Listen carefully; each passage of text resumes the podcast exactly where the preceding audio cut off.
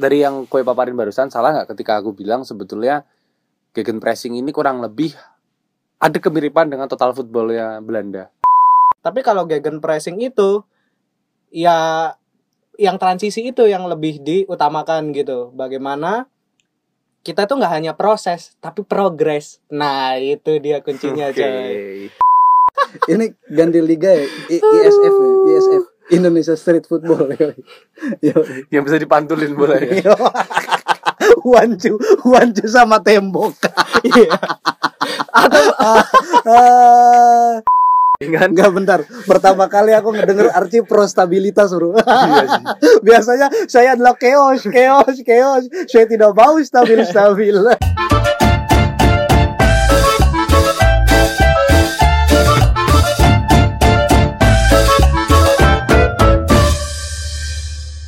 Oke, selamat datang kembali di podcast Oragol. Karena sepak bola bukan hanya tentang gol. Episode ke-18 di akhir November ini. Ini kalau misalkan kita udah bikin podcast dan continue tuh udah bisa disebut podcaster belum sih? Belum ya? belum sampai episode 20. siapa yang buat ak- aturan anjing?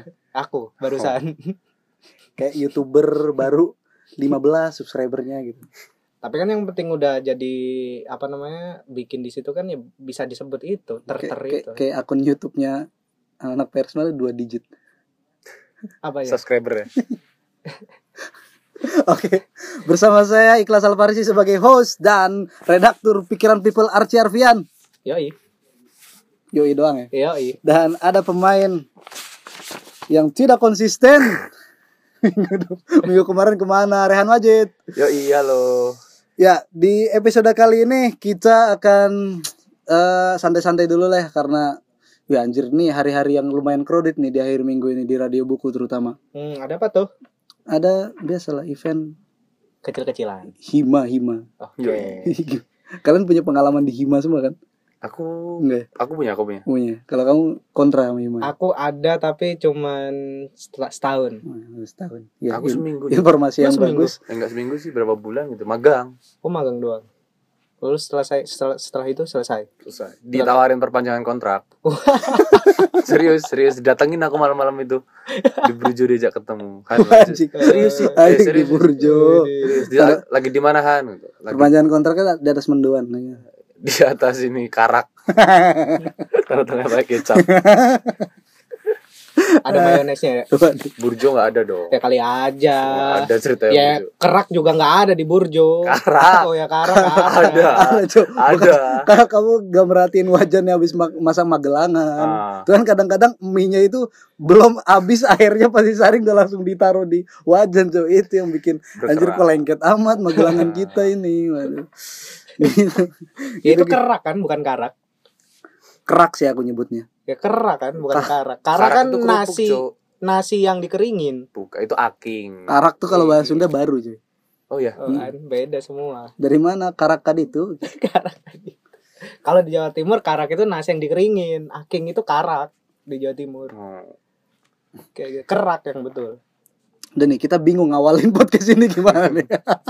Jadi ya lumayan crowded ya ada event gitu. Jadi radio buku itu disewa gitu sama salah satu hima di UNY senior visnya malah baru datang malam-malam ya padahal adik-adiknya nungguin gitu kan. Iya, iya, Saya gabut dan ya udah bikin skrip untuk episode kali ini gitu kan. dan Oragol bisa jadi obat sih untuk eh, kebosanan saya di akhir minggu ini dan seperti biasa kita bahas yang santai-santai dulu aja bahas Eh, update. tapi gitu. sebelum itu Nah. selamat ya. apa tuh? Kau udah mau sidang Riz? Iya. Yoi. baru mau sidang cuy. Iya kan Jangan selamat diomongin. dulu.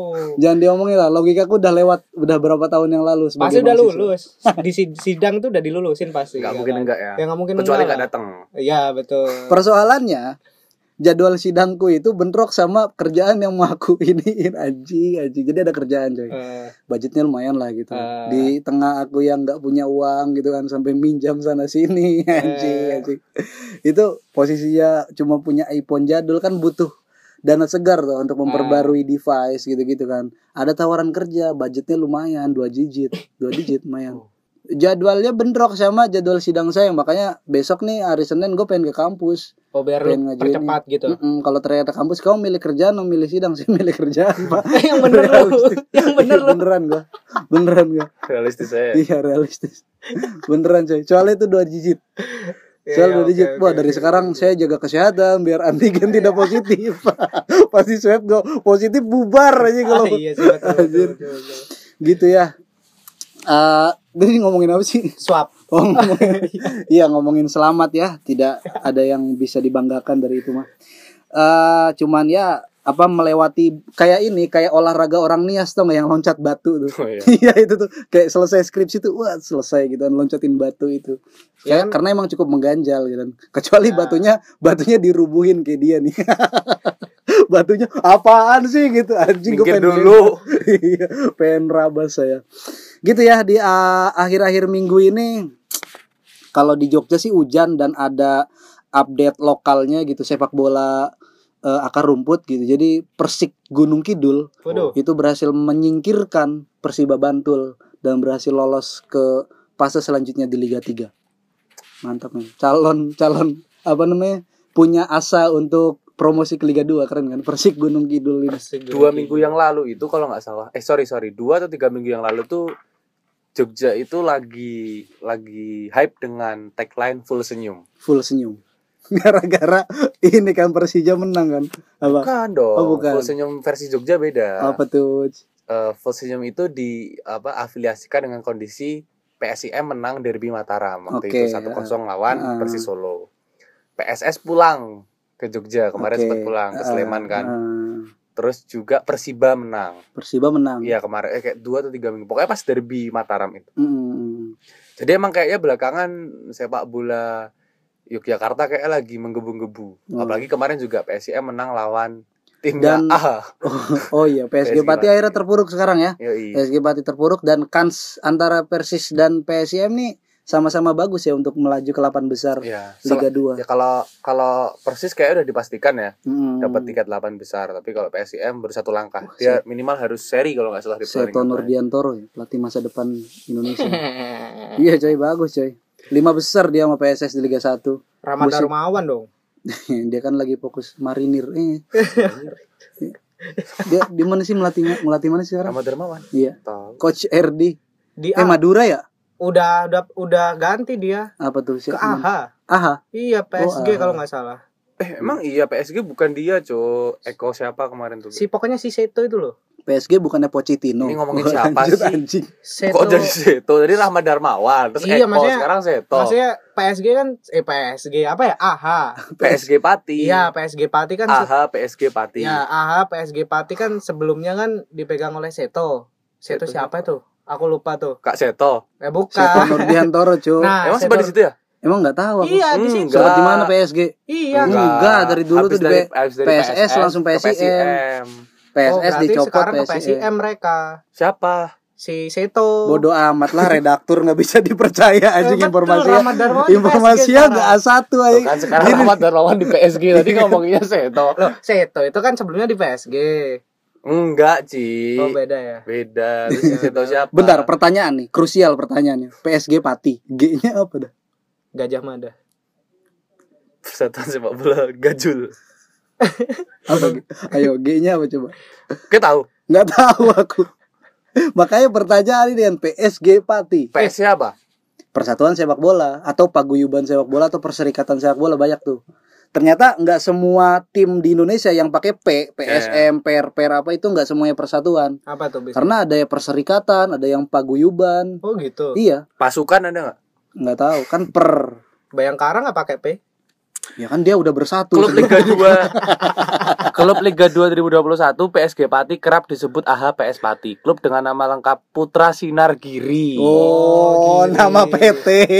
PSG Putra Sinar Giri. Gresik Itu kemudian diboyong ke Pati Oh, Oh, pindah home base. PSG Gresik Ya, ya, PT. Oh, PT Putra Sinar Sinar Giri. Giri Oh, Oke. Rans Cilegon des, Rahmat Darmawan. Cilegon Iya, pokoknya pokoknya yang keren Dewa United Enggak, enggak Dewa United mah. Rahmat Darmawan Rans Cilegon. Oke. dan Cilegon. Yuk, udah yuk perdebatannya udah 10 menit dapat lah. Lumayan ya. Lumayan gak apa-apa. Terus kita masuk ke update-update nih. Ada update-update apa nih? Hani. 10 menit gini habis itu. Ah, boleh, boleh, boleh, boleh, boleh, boleh, boleh. Iya. Boleh.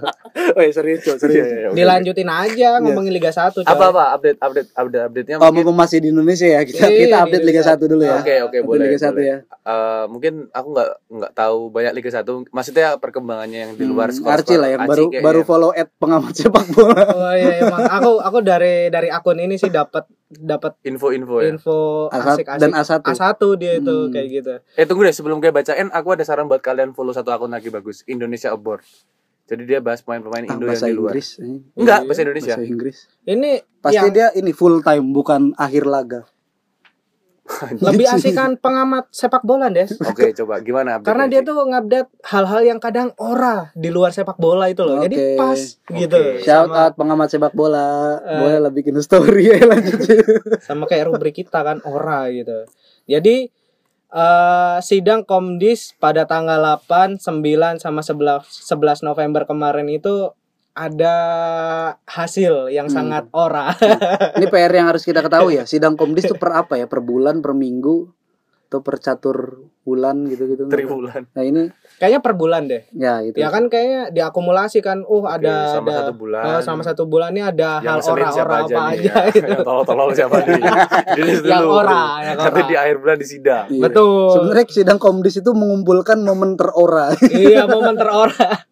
Ya, ya, lanjut, Jadi ada momen terora itu yang belum ora deh, yang kayak misal standar aja dulu Iya, ya. standar ya. Kayak di Liga 1 itu PSS Sleman sama Barito Putra itu mendapat karena mendapatkan 5 kartu kuning, itu jadi hukuman per tim itu 50 juta kayak Oh, gitu. denda. Jadi ya denda. Oh, satu Jadi kartu kuning 10 juta ya? 10 juta satu kartu kuning. Karena kan kayaknya batasnya kan tiga atau iya tiga ya. Hmm. Jadi itu sampai 5 melebihi batas gitu.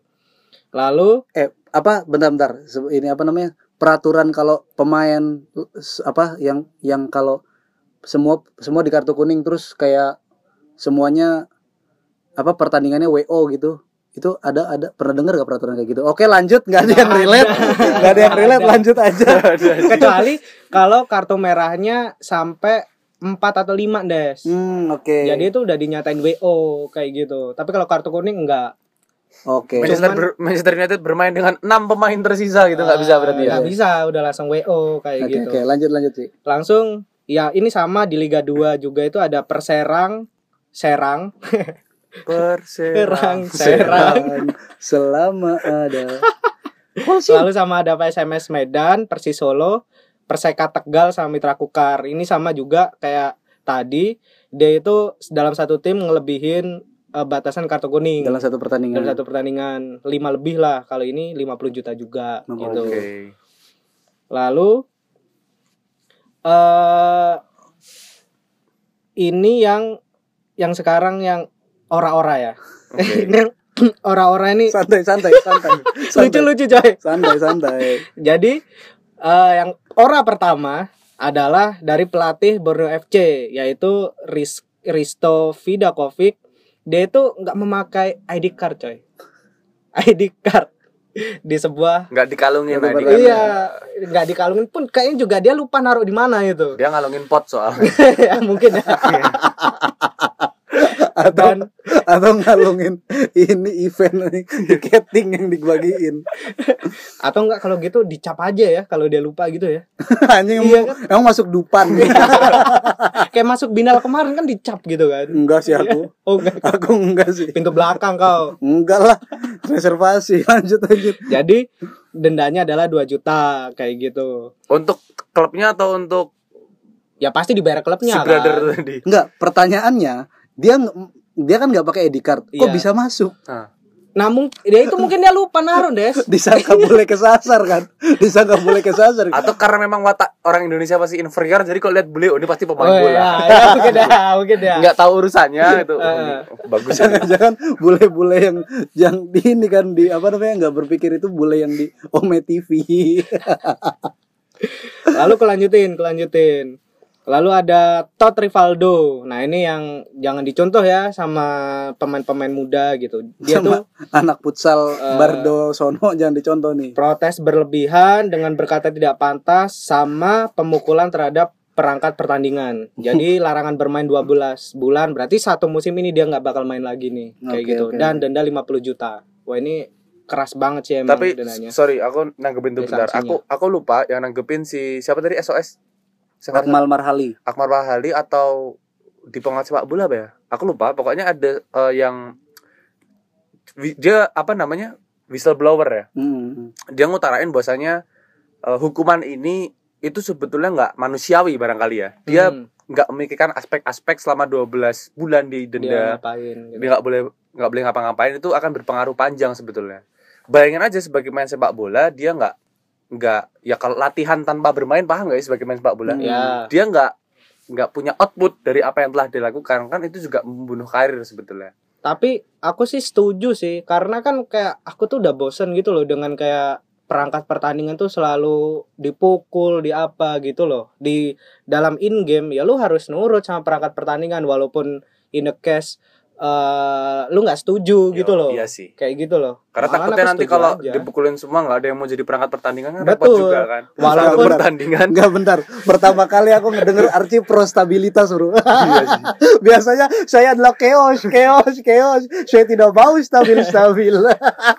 Ya, karena udah udah udah muak gitu Udah loh muak ya. kayak ngelihat kayak hal aduh gini doang walaupun walaupun sekarang tuh kayak gini di Liga 3 itu beberapa Ah. pertandingan terakhir Mm. itu mereka kecewa dengan perangkat pertandingan tuh mereka kayak kayak nggak niat bermain gitu loh. Ya. Ada kayak dua tiga pertandingan di Pandit Football juga di share kan. Hmm. Jadi ketika menit misal menit menit akhir kok mereka itu udah nggak setuju dengan pendapat Keputusan wasit keputusan wasit, Hmm. mereka udah kayak nggak niat main gitu. Iya, ya udahlah kayak, nggak apa-apa. Persib WO pas lawan Persija di musim kapan itu gitu. nggak udah, niatnya nggak nggak niatnya ngapain tuh di lapangan Jadi jejer ya- terus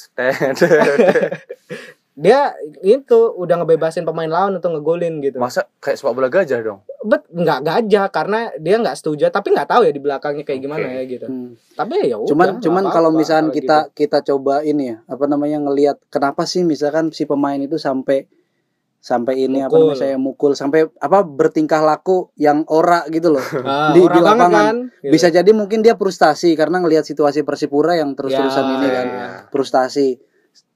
Tapi dan akhirnya output dari ke apa ke ke stresannya dia tuh ya mukul gitu apa segala macam gitu. Ya, tapi- jadi. Tapi menurutku gitu, itu nggak bisa dibenerin karena pemain bola profesional gitu kan ditonton banyak orang otomatis dia kan public figure gitu kan. example Dia harus punya mental yang bagus gitu kan sebagai Mm-mm. pemain bola gitu kan. Di di di sisi ini ya, di sisi apa namanya di di segi ketika dia bermain untuk ditonton gitu loh. Kalau dia mainnya di Bardo Sonoma ya nggak apa-apa, gelut aja bro. tapi sebetulnya ya sepak bola itu rasa-rasanya tuh menarik ketika ada momen-momen berantemnya Mm-mm. ya nggak tapi kalau terus-terusan ngeselin juga gitu. Iya, Kayak di maksudnya pemain berantem kan kayak kayak kayak kemarin aja lah Klopp sama Arteta Arteta gitu aja kayak kayak ngomong Weh, salah lu kayak gini-gini gitu, Iya, tapi iya, nggak sampai mukul, nggak sampai apa gitu Ah. aja. Itu menarik kayak gitu. Iya, ya apa namanya pandangan kritik hukum itu nggak manusiawi juga sebenarnya aku agak-agak setuju. Karena di luar negeri ada nggak yang sampai dihukum semusim gara-gara kayak Mourinho nyolok matanya? Siapa? Tito Villanova itu. Hmm. nyolok loh. Iya nyolong. nyolok kan? Itu kan nggak dihukum sampai satu musim full Tapi gitu kan itu bukan ke perangkat pertandingan. Tapi kan itu ke tim lawan Iya, kalau ke tim Sa- lawan sama kan sama kecuali iya nyoloknya ke supporter berisik weh ya gitu. kayak PP nendang apa pun paling cuma tiga pertandingan. Ah, ah, PP gitu Tapi kan. perangkat bahkan pertandingan. ke hal yang rasis gitu kan yang itu kan udah udah ham lah gitu ya Iya. rasis misalnya Evra Evra apa namanya Salaman salaman sama sama Suarez tapi tapi Suareznya nggak mau kan Hmm. larangannya tiga pertandingan Hmm. Suarez gigit Ivanovic gitu Iya, tiga pertandingan. tiga pertandingan Nah, gitu gitu maksudnya jadi jadi kayak kayak apa namanya perangkat pertandingan tuh disucikan coy nggak boleh disentuh mereka tuh iya iya kayak gitu aku sih setuju kayak gitu Iya, Kalau- aku aku gini Cik maksudnya. Aku sepakat perangkat pertandingan itu harus dilindungi Mm-mm. karena dia sebetulnya kan yang paling rawan Satu dipukulin meter satu lah. stadion Iya, kan. iya. satu meter nggak boleh Ya enggak gitu juga. itu juga dia dia dilindungi dalam arti ada regulasi yang mengatur tidak boleh ada kontak fisik misalnya, Hmm, tidak ya. boleh memprotes keras dengan ada Ah. aturan turunannya keras itu seperti apa dijelaskan. Tapi yang aku nggak sepakat adalah kemudian hukumannya kayak gini gitu loh, Ci. Di tengah maksudnya Persipura udah terpuruk, Todd Ferry bisa dibilang pemain kunci dong.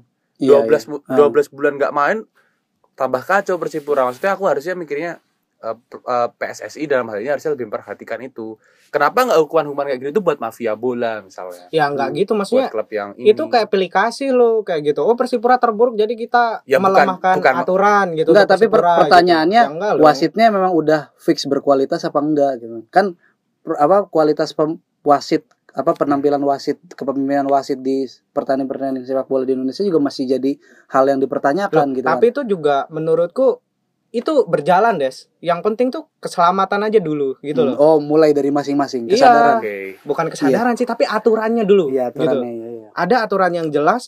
Pemain nggak boleh nendang wasit, nggak boleh ngatain wasit. Ngatain gua nggak apa-apa ya mungkin ya. Hmm. Nendang, mukul gitu. Ketika mereka udah ada aturan jelas, mereka bakal takut. Nah, setelah takut itu wasitnya harus sadar diri juga, kualitasnya ditingkatin. Lalu kayak VAR dan lain sebagainya nanti bisa Nah, masuk. ya itu Kayak gitu PSSI sih. berarti Ya. Iya, Nggak, aku, sel- aku setuju kayak iya maksudku per bulan gitu loh. aku membaca kritiknya apa SOS itu gitu. SOS itu mungkin mengkritik larangan itu terlalu jahat gara-gara ngelihat ya kita belum bener-bener secara sistem belum bener-bener apik gitu loh secara Ya, sistem gitu loh. sih. Kan Wah, apa enggak namanya? sih. Iya, enggak, enggak. secara Walaupun- sistem belum bener-bener apik. Lagian sebetulnya kalau mau dikaji, aku kemarin baca juga Todd Ferry itu masih ada versi yang mengatakan dia nggak melakukan kontak fisik sama wasit kayak gitu loh. Jadi ada pihak-pihak yang banding mungkin ya atau memberi pembenaran terhadap eh, bukan pembenaran, kesaksian terhadap Iya. kejadian itu sebetulnya Todd Ferry tidak ada melakukan eh, sentuhan fisik kayak gitu. Jadi sebetulnya yang aku tangkap dari kritikanya entah SOS atau siapa itu, itu dia menyoroti sebetulnya apakah kasus ini sudah benar-benar selesai Oh, atau atau bisa mengajukan banding ya. Ah, ah, kayak Nah, gitu.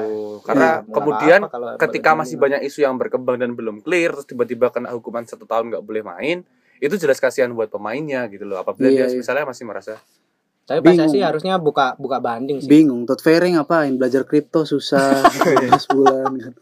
Apa mau ngapain? Iya. Mau, mau, mau main Free Fire gitu kan. Ya, sengaja bersih-bersih Susah. toilet itu. Bersih Bersih Dia tuh jadi pahlawan timnas U19 loh dia. Iya, coy. Dia Dia- super dia kuat, Trik. dia. Iya, biar trick kan lawan tapi Qatar. biar jadi pelajaran juga gitu. Jangan dia kayak orang tua yang gitu. anak ya. Iya, biar jadi gitu. pelajaran. Ini aku lanjutin deh yang Iya. ora lagi, yang ora lagi. Ini yang ora lagi itu adalah eh Barep Wahyudi Wibowo dari Persewar. War Ya. apa itu? War itu apa ya War? Waropen. Perang. Waromen. Waropen. Waropen. Waropen. Hmm. Papua ya? Ya. Ya. Jadi itu dia menghalau bola menggunakan tangan di luar kotak penalti dan mendapatkan kartu merah. Jadi itu larangan bermain satu pertandingan dan denda 3 juta gitu. Itu jelas sih ya, Ya, di ya, ya. di rule of the game itu udah ada kayak Oke. gitu. Lalu ini juga ada lagi nih yang kita omongin tadi PSG Pati. Wah, Putra Sinar Kiri. Putra Iya, iya. Sidargiri. Ransnya nggak ada di sini ya. Kayaknya nggak suka sama Rans nih. Ya bukan berarti dia nggak melakukan hal yang ora-ora, biasa aja berarti. Tapi ini orang banget nih. Jadi manajemen itu memainkan pemain yang tidak sah. Gede Sukadana. Oh, iya. Dan- Hukumannya langsung WO. Kalah 3-0 dan pengurangan nilai 3 poin. Iya, itu pas Iya. lawan Persis. Itu Serta dendanya 90 Ah, juta anjir. ngeliat- Wah. Aku ngeliat berita itu karena posisinya Ekide Sukadana masih ada di masa hukuman. Jadi belum boleh Iya. main gitu. Belum boleh main, Oh, tapi gitu. udah dimainin. Iya. Dimainin. Kayak kayak gini, perpindahan Arthur Wirawan aja yang dari Arthur Irawan. Arthur Irawan dari PSS Sleman ke Persik Kediri. Iya. Itu kan dia harus nunggu dulu Iya. sampai pertengahan Desember. Hmm, Kayak sampai gitu kan. jendela transfer dibuka ah, kan. dibuka baru dia baru main kayak Ah, gitu. Ini Langsung main. langsung main. Aja. sendiri tai. Iya, iya, iya. Tapi sebetulnya lagi-lagi yang ya harusnya kita 90 soroti juta. kok bisa dia main gitu. Ah, kok bisa dia Nah, main? Berarti kan dia Kan ada starting line up-nya. enggak enggak pun starting line up di satu kertas gitu biasanya kan ada nama pemain yang bakal jadi starting line up plus pemain cadangannya. Tahu nggak? ah, yang official ah, ah, ini. iya, official gitu kan. Berarti ada nama Igede Sukadana dong di situ. Berarti Ah, kan officialnya juga lalai Salah. gitu. Jangan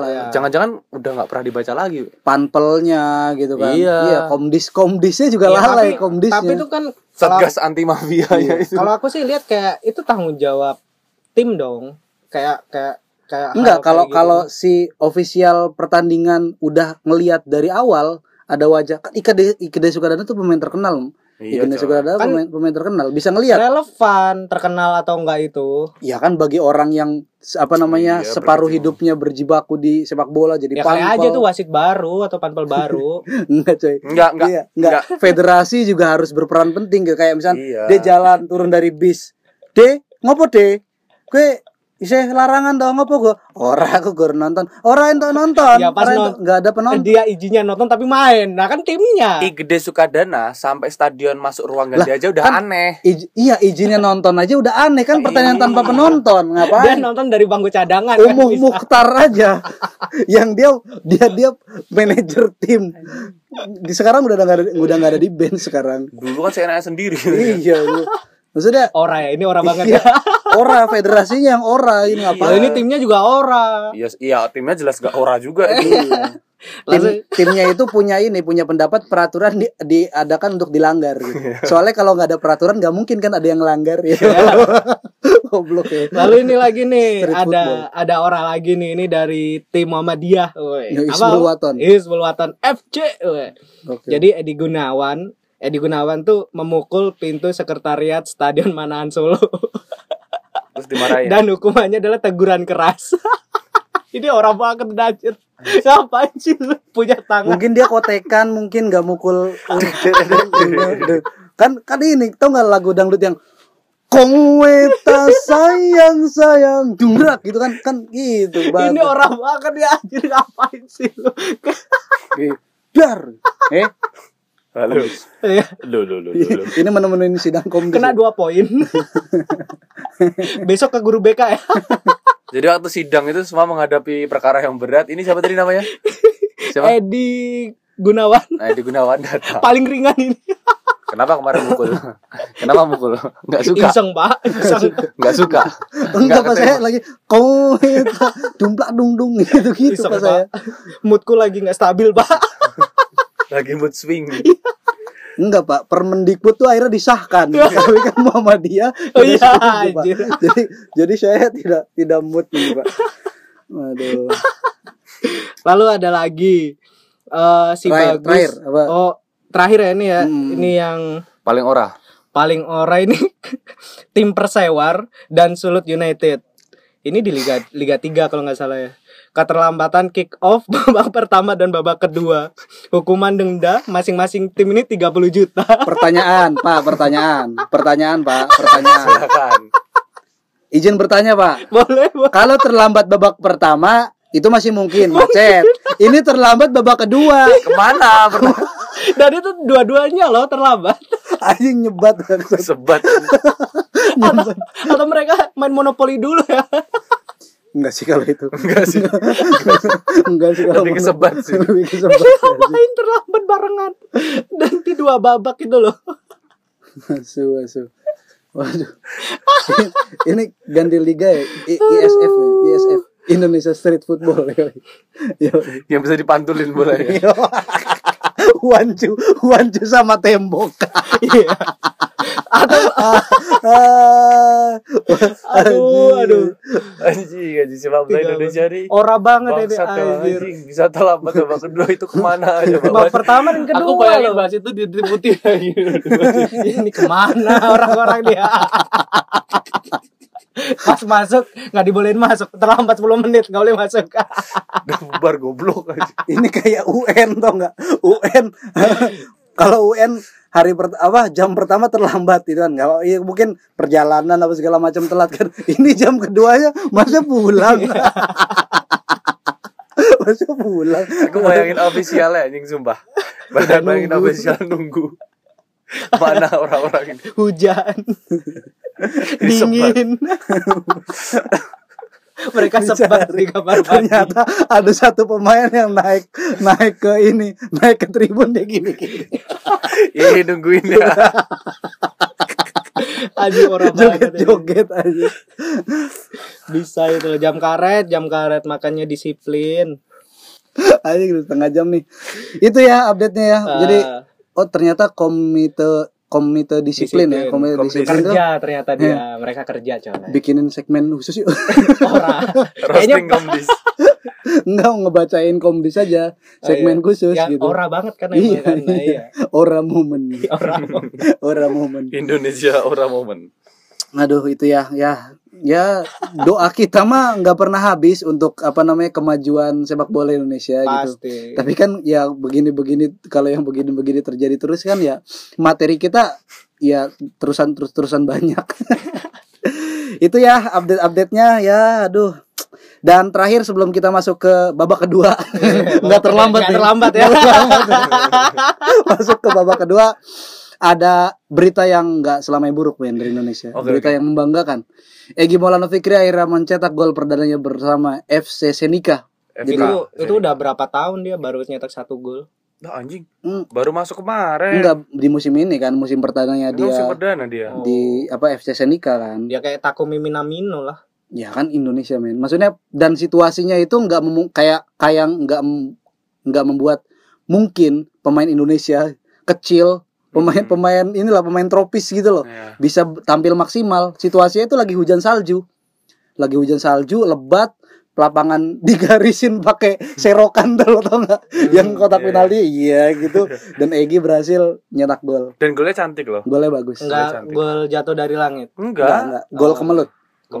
sama aja Enggak, jadi jadi umpan umpan berhasil di clearance tapi clearance-nya enggak sempurna berhasil dikuasai sama Egi Eh, dan sama aja tuh Egi gol. dengan dengan skill individu berhasil Gocek. menaklukkan eh, gawang si musuh tuh warna kuning apa sih namanya?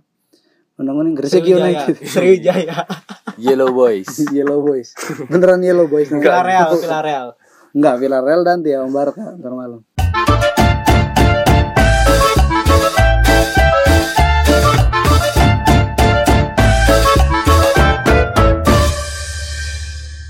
Oke, selamat datang kembali di podcast Oragol episode ke-18 di babak kedua dan kita tidak terlambat karena sepak bola bukan hanya tentang gol, tapi soal keterlambatan disiplin. eh, Kita bikin podcastnya disiplin, ya kan? Selalu bikin tema gitu, walaupun hamin satu. Bahasa apa nih guys, gitu. Tapi walaupun ngebahas sepak, enaknya bahas sepak bola itu karena sepak bola itu udah kayak universe gitu loh, dunia apa dalam yang berita anjing. Ini orang Golkar ya, balik sini. Pulang kamu. Ngapain? Yellow Marines Anjing.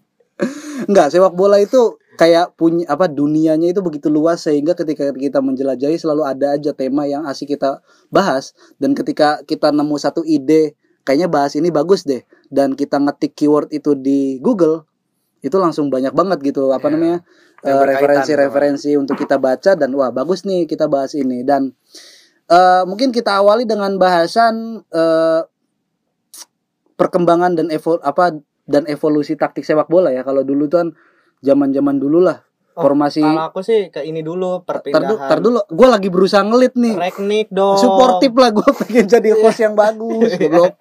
Tar dulu aduh berkata-kata kasar. Eh dulu kan dulu kan dulu kan formasi sepak bola kan banyak mengandalkan apa kualitas individu pemain dan juga eh apa namanya eh, taktik serangan yang terkesan nggak memperdulikan kualitas pertahanan gitu loh. Kecuali mungkin Italia ya dengan Catenaccio-nya. Jadi waktu itu Brazil mungkin jadi empat berapa? Empat empat empat apa? Dua empat empat gitu kan. Taman dua salah salah kan gua Main Sulut United dengan dua itu. dua dua yang yang nggak Yang diizin. telat ke sana dia. dua empat empat kan zamannya Pele zamannya Socrates dulu kan jadi back dua gitu kan back memang dua dan dia swipe apa swiper gitu kan Hmm. swiper kuncinya jadi pokoknya dapat bola sapu sapu dapat bola sapu ke depan gitu kayak kan. maman Hmm. Nah sekarang terus beralih ke apa ti- tiga back gitu kan Iya. tiga back jadi empat back dan sekarang ya mungkin evolusi itu udah udah berkembang melampaui sekedar posisi pemain gitu kan tapi bener-bener apa namanya taktiknya lebih ke pemanfaatan ruang dan juga eh, kualitas pergerakan si pemain tersebut Hmm. Nah gitu. Nah ketika kita bahas tiki takanya Spanyol gitu kan, tiki taka Spanyol ternyata permainan satu dua satu dua juga nggak ber imbas apa-apa kalau nggak dibarengin sama kualitas pergerakan pemain yang lain. Buktinya Membuka Bar- ruang, Iya, ya. buktinya Barcelona zamannya Kuman tuh Kuman kena Covid kayak sekarang ya. Ah. Kan Kuman, yo. Virus. Covid itu virus, bukan kuman. Iya. Cuman Ampun, gatel-gatel ya. Saya permainan satu dua satu dua gitu kan nggak nggak menghasilkan apa-apa gitu kan akhirnya kalah kalah kalah gitu ter- Hmm. semakin terpuruk gitu kan eh kalau nggak dibarengin sama teknik-teknik yang lain gitu kan kayak pergerakan pemain yang memanfaatkan ruang itu nah pergerakan pemain yang memanfaatkan ruang itu kemudian di banyak di eh, praktekkan itu sama pelatih-pelatih kayak Tuchel, Klopp, pelatih-pelatih Jerman gitu kan, pelatih-pelatih Jerman dan juga Pep Guardiola tentunya gitu kan. Nah, salah satu teknik menekan, bergerak gitu kan, menekan, bergerak dan kembali menguasai bola itu lagi tren saat-saat ini gitu kan, Betul. lagi tren. Gara-gara siapa lagi kalau bukan tim yang paling punya engagement banyak ya kan Yoi. di dunia ini gitu kan. Ada kehadiran Raf Praknik. Ragnik, bacanya gitu ya, Raf Ragnik. Sulit men. Ya pokoknya sebahasa Ya. Indonesiaan kita. Yang dikontrak secara sementara interim bahasanya gitu kan sampai akhir musim eh selesai gitu sampai sampai musim selesai musim ini selesai sebagai eh, bosnya atau manajernya Manchester United. Terus disebut-sebut eh Ralf Ragnik ini si Ragnik ini adalah godfather of gegenpressing gitu. Nah, kata kuncinya itu nih. Kita di episode kali ini di babak kedua yang tidak terlambat ini akan membahas taktik gegenpressing. Sebenarnya itu apa tuh gitu. Karena dia katanya godfathernya Klopp yang berhasil bawa Dortmund berjaya, terus dia pindah ke Liverpool, Liverpool sekarang jadi dominan, terus Tuchel gitu kan. Ketika Lampard di, jadi bos Chelsea kan ya Chelsea ya gitu-gitu aja lah kayak kayak ini liga liga santri. Ya kan pemainnya muda-muda ya pemainnya muda-muda gitu kan. Terus Lampard nggak nggak ada hasil yang signifikan diganti Tuchel akhirnya juara Liga Champion gitu kan. Terus juga ada Guardiola ya kan tapi Guardiola ini nggak Jerman nah tapi kita nggak mau bahas dari mana si pelatih ini berasal tapi kita mau bahas lebih ke taktiknya gegen pressing Han Hmm. Aku mungkin eh, masuk duluan ya. Ngomongin soal kenapa kita bahas gegen pressing malam ini. Ya tadi se- seperti dibilang Faris karena isunya Rafa Ragnik ini lagi rame banget di Twitter. Nah, Berarti udah terhitung dua, dua kali 24 jam terakhir. oke Nah, Jadi semenjak si Ole dipecat terus Hmm. diganti sama Carrick santer isu macam-macam nih. hmm. Mulai dari Valverde, Luis Enrique, Lopetegui, Joko Susilo kagak. oh, Eh, enggak. Valverde tuh menik meninggal kan? Itu Villanova. oh iya iya, sorry lanjut. sama termasuk Raf Ragnik tapi ternyata pergerakannya yang paling nyata Raf Ragnik bahkan kok tadi aku lihat baru tadi sih aku lihat tahu nggak tahu kapan ofisialnya tapi nggak ofisial sih Fabrizio Romano sang pembawa berita itu udah bilang here we go kayak gitu. Jadi Ya udah resmi berarti sih. dan karena itu aku jadi banyak banget baca soal uh, gegen pressing gitu. Tapi aku sebetulnya nggak nggak tahu secara spesifik ya bagaimana uh, gegen pressing itu bekerja. Karena jujur aja aku jarang nonton tim-tim yang bukan MU gitu.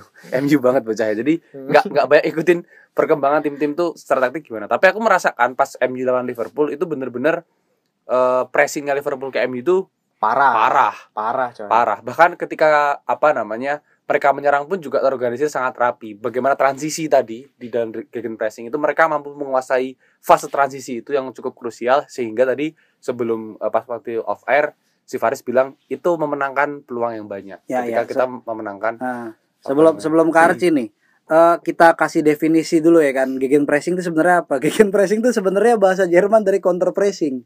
Hmm. Gegen tuh bahasa Jerman ya ternyata. tadi Gegen. tadi aku Google Translate ya Oh kan? iya iya iya gitu. Nah, itu sebenarnya adalah satu taktik yang menekan lawan untuk segera mendapatkan kembali penguasaan bola sesegera mungkin. Jadi teknisnya itu ya ya yang sering kita lihat di permainan Liverpool atau di Manchester City gitu. Ketika apa namanya si tim itu sedang asik menguasai bola dan membangun serangan, tapi apa serangan itu berhasil dipatahkan oleh pemain lawan. Nah, sesegera mungkin apa namanya pemain memposisikan diri untuk mela- apa merebut kembali bola itu. Jadi nggak bertahan gitu, nggak Oke. bertahan. nggak mundur ya Nah, kalau biasanya kan apa apa taktik-taktik klasik itu kan ketika lagi nyerang gitu kan, terus bolanya dapat, si pemain lawan itu menyerang transisi gitu kan, counter attack gitu kan. Nah, si ininya transisi untuk bertahan apa bertahan gitu kan, mengorganisasikan diri permainan itu untuk untuk untuk apa posisi bertahan gitu. Karena memang kalau kata Arrigo Sacchi, yoi, Yoi. The Godfather juga gitu kan. Dalam pertandingan itu ada tiga fase Hmm. Dan itu menjadi selalu menjadi siklus gitu kan. Menyerang, transisi, bertahan, bertahan, transisi, menyerang gitu-gitu terus gitu. Nah di transisinya ini kadang-kadang apa namanya kalau kata Jose Mourinho, yoi, kalau kata Jose Mourinho ini aku bakal banyak ngutip nih karena risetnya lumayan nih. Barang siapa yang berhasil memanfaatkan fase transisi kan fase transisi kan fase orang ya. memposisikan diri kan gitu kan Ah. itu maka dia maka si tim itu bakal dapat ya keuntungan yang lumayan besar kan untuk memenangkan pertandingan itu bakal apa besar di, di diraih ketika tim itu berhasil memanfaatkan transisi gitu. Nah, gegen pressing itu dipraktekkan di waktu transisi gitu. Jadi nggak perlu si Liverpool misalnya Liverpool kasusnya si Liverpool ini transisi untuk bertahan langsung aja gitu. Misalnya dapat bola apa salah sal- salah salah nih.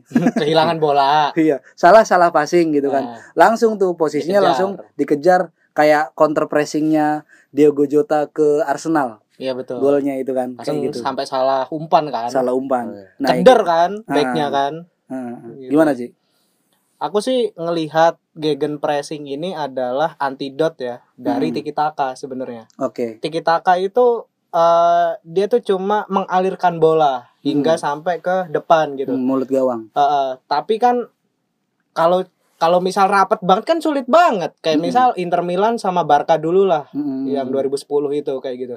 Tapi kalau gegen pressing itu ya yang transisi itu yang lebih diutamakan gitu. Bagaimana kita tuh nggak hanya proses tapi progres. Nah, itu dia kuncinya Oke. coy. Aku ngelihat gini aja aku paling nggak aku nggak terlalu ngelihat ya gimana gegen pressing perbedaan gegen pressing antara Klopp, ya. Tuchel Aku juga dan iya kan. gitu ya. Tapi aku ngelihatnya itu di ini Des, di PES. Kan kalau di PES itu kan ada kayak settingan uh, frontline pressure atau konservatif gitu ya. Heeh. Nah, kalau frontline kalau konservatif biasanya ini dia apa enggak enggak mau aku percayanya dasar Yahudi gitu dasar liberal Muhammadiyah. liberal konservatif kan Enggak, kalau konservatif itu aku ngelihatnya kalau di PES ya. Ini di PES nih. Dia tuh nggak langsung ngerebut ketika kehilangan nggak langsung ngerebut, tapi dia akan transisi agak ngejaga oke untuk kayak ngerapetin lagi gitu. Ah, Tapi kalau frontline pressure, dia kehilangan bola langsung direbut kayak gitu. Di kalau misal kita settingannya tambah gegen pressing, itu nggak hanya satu yang ngerebut, bisa dua, tiga gitu langsung. Karena kan Ah. Klopp juga bilang bahwa pemain sehebat apa pun, kalau dia tuh nggak diberi ruang, dia tuh nggak bisa ngumpan ah. gitu. Itu yang aku, uh betul juga ya. Sampai Gitu. sini aku potong bentar ya, Cik ya. Hmm. Dari yang kue paparin salah nggak ketika aku dari yang kue paparin barusan salah nggak ketika aku bilang sebetulnya gegen pressing ini kurang lebih ada kemiripan dengan total footballnya Belanda. Ketika Wah, kalau- ketika Hah? kehilangan bola atau merebut itu total semuanya mencoba mengerubungi. Apakah itu eh, bisa dibilang bentuk pressing juga dalam dalam hal ini ngomongin gegen pressing atau sebetulnya beda? Karena menurutku kalau sampai dua tiga orang ngerubungin bola ya hampir kayak total football sih. Total football hampir eh, ya tiga sampai lima orang. Enggak, kalau menurutku tuh eh, konsep total football adalah ketika lu nyerang-nyerang semua. Ketika lu Bertahan. bertahan bertahan semua. Tapi itu juga jadi konsep, tapi itu bukan gegen pressing. Oke. Iya, iya, jadi iya. konsep kayak ah. ketika kayak Liverpool lah ya. Mhm. Ketika lu nyerang, dia nyerang semua. Jadi sampai setengah lapangan tuh dikuasain kayak gitu Ah. karena biar ngetutup ruang Ah. kayak gitu. Tapi kalau ketika diserang, Defense. bertahan semua, nggak ada Kyle Walker, Walker sih. Kayak luar ker- Banyak Walker. balik lagi ke ini nih Walker. balik lagi ke balik lagi ke Walker. siklus tadi nih balik lagi ke siklus tadi sepanjang apa pokoknya se sebelum gegen pressing ini mungkin ditemukan ya yang katanya pencetusnya si Ragnik ini gitu kan jadi siklus dalam sepak bola tuh selalu flat gitu terus gitu menyerang Bertahan. ber- eh, transisi Iya, bertahan, menyerang transisi bertahan. Nah, mulai ada orang yang karena fase transisi itu sebetulnya fase yang sangat me- melelahkan gitu kan. Makanya Betul. eh, gegen pressing itu adalah usaha memotong siklus transisi Betul. bertahan ke menyerang. Jadi kita nggak perlu transisi gitu kan. Kompetisi ini padat, pemain apa terbatas gitu kan. Hmm. Pemain itu terbatas eh, Stamina-nya. staminanya gitu. Jadi kita nggak perlu melakukan transisi karena kita apa namanya karakter tim kita adalah menyerang ya kita pengennya menyerang, aja terus, gitu gitu. kita pengennya menyerang aja gitu kan ya apa namanya kita potong siklus itu kita rantai itu kita potong gitu kan kita Hmm. kita kita bikin apa namanya skema baru dengan cara gegen pressing nah salah satu tujuannya juga itu eh, untuk menghambat counter attack pemain lawan Mm-mm. Eh, jadi kalau misal ngelawan kayak pemain-pemain counter attack yang, yang MU, pemain MU.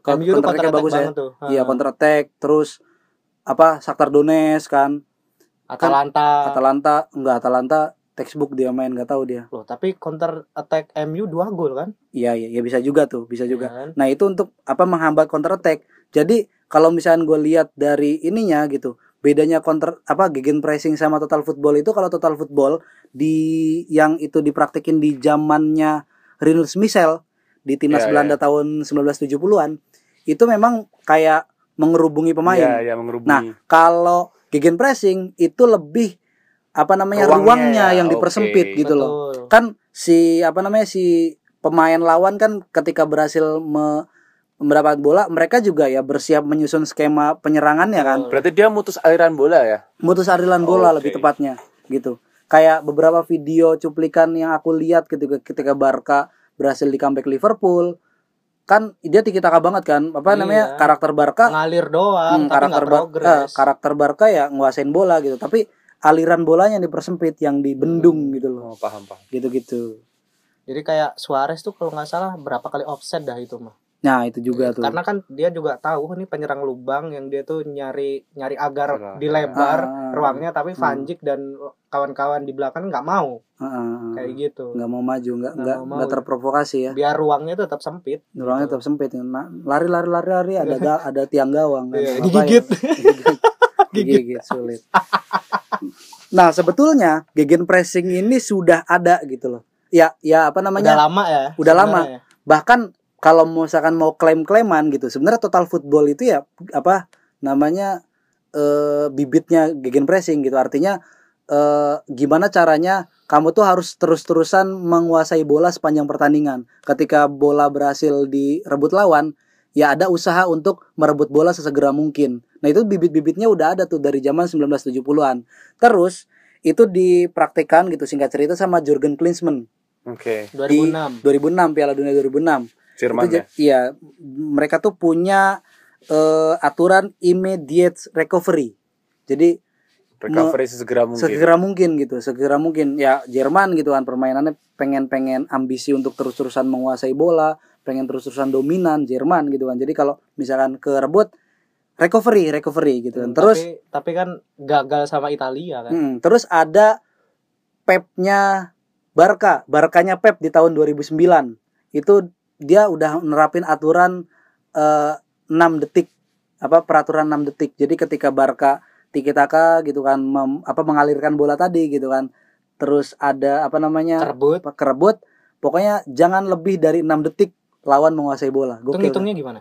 Ya, ngitung lah. Satu, dua. I- Tiga. Iniesta A- ini eh, eh. Ada ada apa namanya? Ada di video tuh banyak tuh di YouTube tuh kayak gitu kayak gitu. Iya maksudnya ngitungin gimana itu? Contoh realnya itu di pertandingan eh, di pertandingan Barca lawan Madrid yang Barca menang 6-2 itu ada full matchnya itu di akun official Barca tuh. Hmm. Itu anjir keren banget tuh. Bener-bener 6 detik bahkan ada yang cuma 2 detik, satu detik gitu kan. Paling lama itu 8 sampai 9 detik. Hampir 10 detikan gitu. Dari Madrid iya Madrid berhasil menguasai bola gitu gitu-gitu nah itu dan apa namanya peraturan 6 detik itu juga di di apa namanya diterapkan di City kan Makanya Iya, City ya City.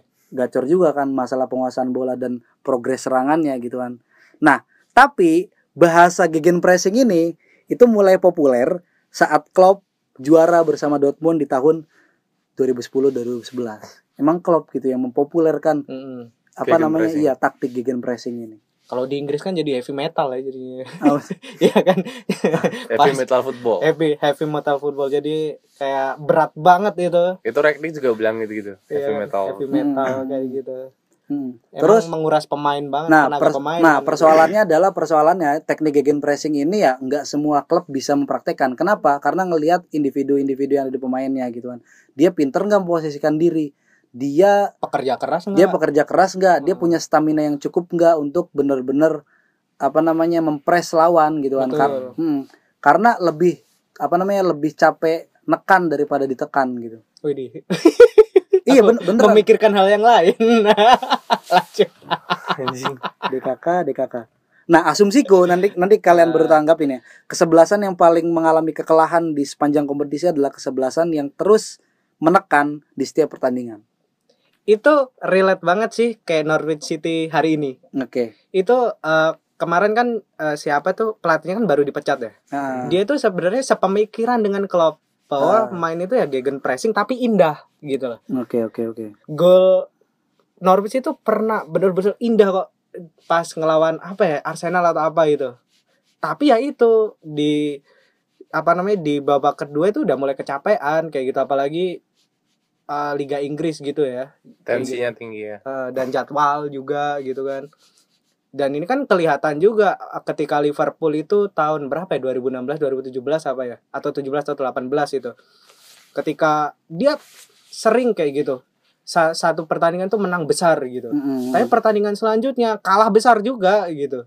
Jadi kayak kayak kayak betul kayak perkataan Milner bahwa suatu eh, suatu hari kita bisa bermain indah banget tapi besoknya kita bisa sangat kedodoran gitu. bantai 6-2 sama Aston Villa Iya, eh, itu kan yang tahun 2000 musim kemarin musim kemarin. Kalau Hmm. musim kemarin beda, itu udah gegen pressing yang udah evolusi yang udah mulai bagus gitu udah nyetel pemain Iya, kalau yang 5 eh, enam- eh, musim 16, 17, 18 itu kan belum.